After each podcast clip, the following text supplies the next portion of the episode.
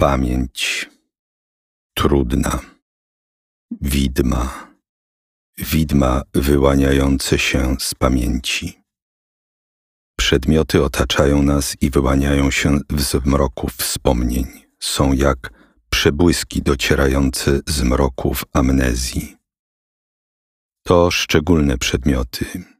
Nie były z pewnością dekoracją ani rekwizytami teatralnymi w zasadzie każdy z nich domaga się szczegółowej uwagi, wykazania proweniencji oraz znaczenia i roli, jaką kiedyś odgrywał. Każdy ma swoją opowieść, tak jak przedmioty, bohaterowie baśni Andersena. Są nośnikami pamięci i pamiętają. Niektóre z nich są szczególnie nam bliskie i dzielimy z nimi wspólne sekrety, na przykład kto wie, jak uzyskany został kolor płaszcza wuja Stasia Sybiraka ze skrzypcami w spektaklu Wielopole, Wielopole. Idee odnoszące się do pamięci dały początek wielu scenom i kluczowym obrazom ze spektakli Tadeusza Kantora. Wszystkie spektakle, począwszy od umarłej klasy z 1975 roku, można opatrzyć wspólną nazwą Teatr pamięci. Menemozyne, grecka bogini pamięci, była matką mus. Już w starożytności istniała świadomość związków pomiędzy twórczością a pamięcią. Pamięć jest podstawą dzieła sztuki. Bez pamięci bylibyśmy bezbronni jak kretyni, mawiał Witkacy. Bez pamięci historii naszego życia trudno byłoby funkcjonować zdarzenia z dzieciństwa oraz wszystkie sytuacje z naszej przeszłości stanowią ważną część wspomnień. Ta część wspomnień, w której przechowujemy wydarzenia ze swojego życia osobistego, ma nazwę pamięci autobiograficznej. To pojęcie psychologiczne, które zaczęto używać w początkach lat 80. XX wieku. W tym właśnie czasie powstawało wielopole, wielopole. Wspomnienia autobiograficzne stanowią specyficzny materiał pamięciowy, który ma bezpośrednie odniesienia do ich autora. Pamięć tego typu ma silny związek z naszą tożsamością i poczuciem ciągłości, przez co może być traktowany jako fragment osobowości. Ten rodzaj pamięci ma swoją autonomię. Nie możemy jej nakazać, by coś zapamiętać, a coś innego wyrzucić z pamięci. W teatrze ta właśnie pamięć została zastosowana po raz pierwszy w Krikocie przez Tadeusza Kantora. Oczywiście istniała w literaturze wcześniej, u Prusta na przykład, a w literaturze polskiej to przede wszystkim twórczość literacka Bruno Schulza. W spektaklu Wielopole, Wielopole pamięć stała się tematem głównym – fundamentem, z którego wynikała unikalna metoda teatralna, na którym budowane były poszczególne obrazy i sceny. Dagerotyp historyczny. Z pojęciem teatru pamięci ściśle wiąże się jedno z podstawowych pojęć, które na stałe weszło do słownika kantora i teatru Krikot II.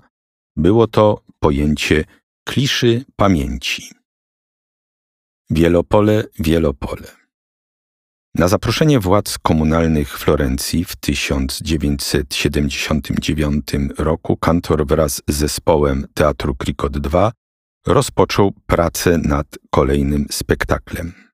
Po raz pierwszy zrezygnował z użycia tekstu Witkacego, ze starej, sprawdzonej metody dwutorowości, czyli nakładania się i migotania realności akcji i tekstu.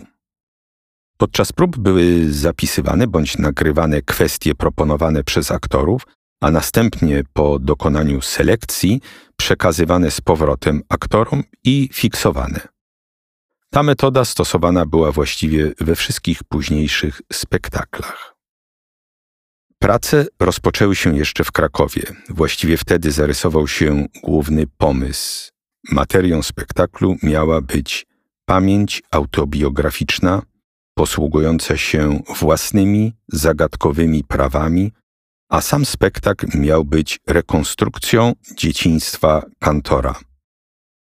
Tę pamięć kantor określał jako życie indywidualne, moje. Miejscem akcji stał się pokój dzieciństwa, odbudowywany wciąż na nowo, rekonstruowany z pamięci. Ten pokój uczynił kantor również scenerią wielu mitycznych perypetii. W ten sposób cała historia kultury nakładała się na indywidualną historię jednostki. Drugim, równie ważnym elementem było wojsko jako odrębny gatunek ludzki. Wojsko miało być metaforą całej machiny wojennej i stanowiło kontrapunkt do prawowitych lokatorów pokoju, członków rodziny. Trzecia sfera działań była natury spirytualnej i najogólniej mówiąc odnosiła się do Ewangelii. Wspólne rozważania na temat mechaniki pamięci zaowocowały całkiem nowymi rozwiązaniami scenicznymi. Wcale nie było oczywiste, dlaczego pamiętamy w przód, a nie wstecz. Dlaczego pamiętamy sekwencyjnie? Dlaczego pamiętamy doznane afronty, fakty i wydarzenia dla nas przykre, upokarzające, traumatyczne i wstydliwe, a nie te radosne i miłe? Dlaczego epizody zaczynają się nie od początku, ale od jakiegoś punktu przypadkowego i kończą się urwane bez zamykającej puenty? A sekwencje te z uporem namolnie powracają w wielu powtórkach. Dlaczego nie pamiętamy całości? Z tych dociekań wynikały sceniczne i aktorskie rozwiązania. Sekwencyjność, ruch poklatkowy, różne tempa, ruch przyspieszony, ruch zwolniony, zastyganie w bezruchu, powtarzanie frazy, jak w uszkodzonej płycie gramofonowej. Wczesne XIX-wieczne teorie na temat pamięci były jeszcze zdominowane przez metaforę posługującą się aparatem fotograficznym. Pamięć rozumiano jako instrument rejestrujący wiernie obrazy przypominające kopie rzeczywistości. Były to obrazy statyczne, nakładające się kolejno na siebie. Kantor nazywał je kliszami pamięci. Wraz z nadejściem kinematografu dostępna stała się nowa metafora dla pamięci wizualnej film. Film jest metaforą, która znakomicie oddaje charakter pamięci, jak i wrażenie oglądania epizodów z zewnątrz. W filmie można manipulować czasem, można przyspieszać lub zwalniać tempo akcji. Za pomocą montażu można żonglować różnymi warstwami czasu. Co prawda, Tadeusz Kantor nie posługiwał się metaforą filmu, choć w praktyce ją stosował, ale w spektaklu Wielopole Wielopole pojawia się kolejny aparat fotograficzny, tym razem z taśmą, ale nie jest to taśma filmowa, a taśma nabojowa. Przyrząd fotograficzny, który po naciśnięciu spustu zamienia się w karabin maszynowy. Strzelanie ujęć fotograficznych i strzelanie z broni w celu zabicia, ukatrupienia, te metafory dziwnie nakładają się na siebie. Zdjęcie to zatrzymanie, unieruchomienie, uśmiercenie żywej chwili. Ten groźnie wyglądający obiekt jest nośnikiem metafory strzelania zdjęć. To metafora uniwersalna i występuje w różnych językach, łącząc w jedno obydwa znaczenia, bo zdjęcie to pamięć zredukowana do jednego momentu i gestu. Kryje się w nim groza unieruchomienia już na wieczność, bez żadnej możliwości odwołania. Instrument obsługuje oczywiście wdowa po miejscowym fotografie zakładu Ricordo. To niezapomniana rola Miry Rychlickiej. I tak fotografie stały się modelami scen. W spektaklu Wielopole Wielopole to fotografia żołnierzy. Pamiątkowe zdjęcie z rodzinnego archiwum Tadeusza. Przedstawia rekrutów, prawdopodobnie przed wyruszeniem na front.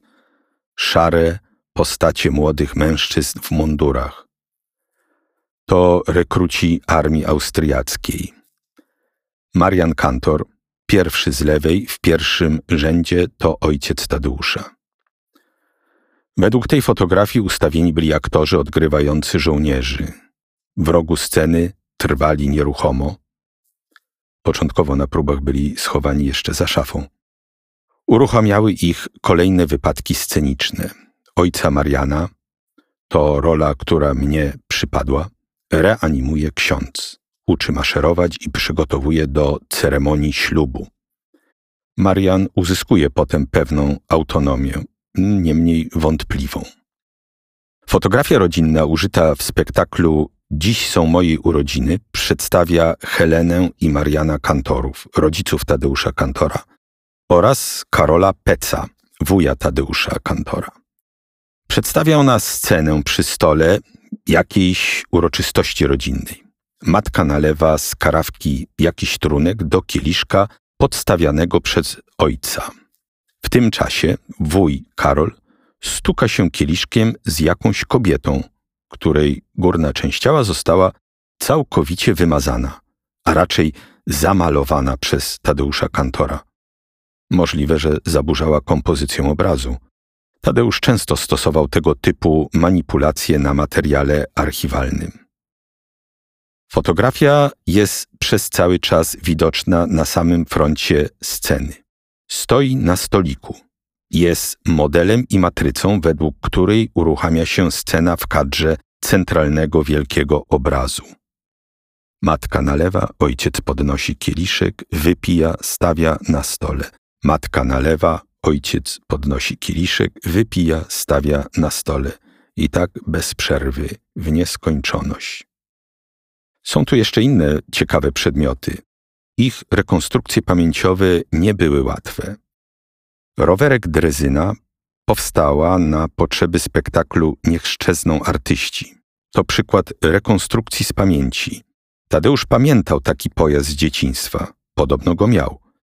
Ale nie mógł sobie przypomnieć, jak on funkcjonował. Pamiętał jedynie, że był poruszany rękami, a nie nogami.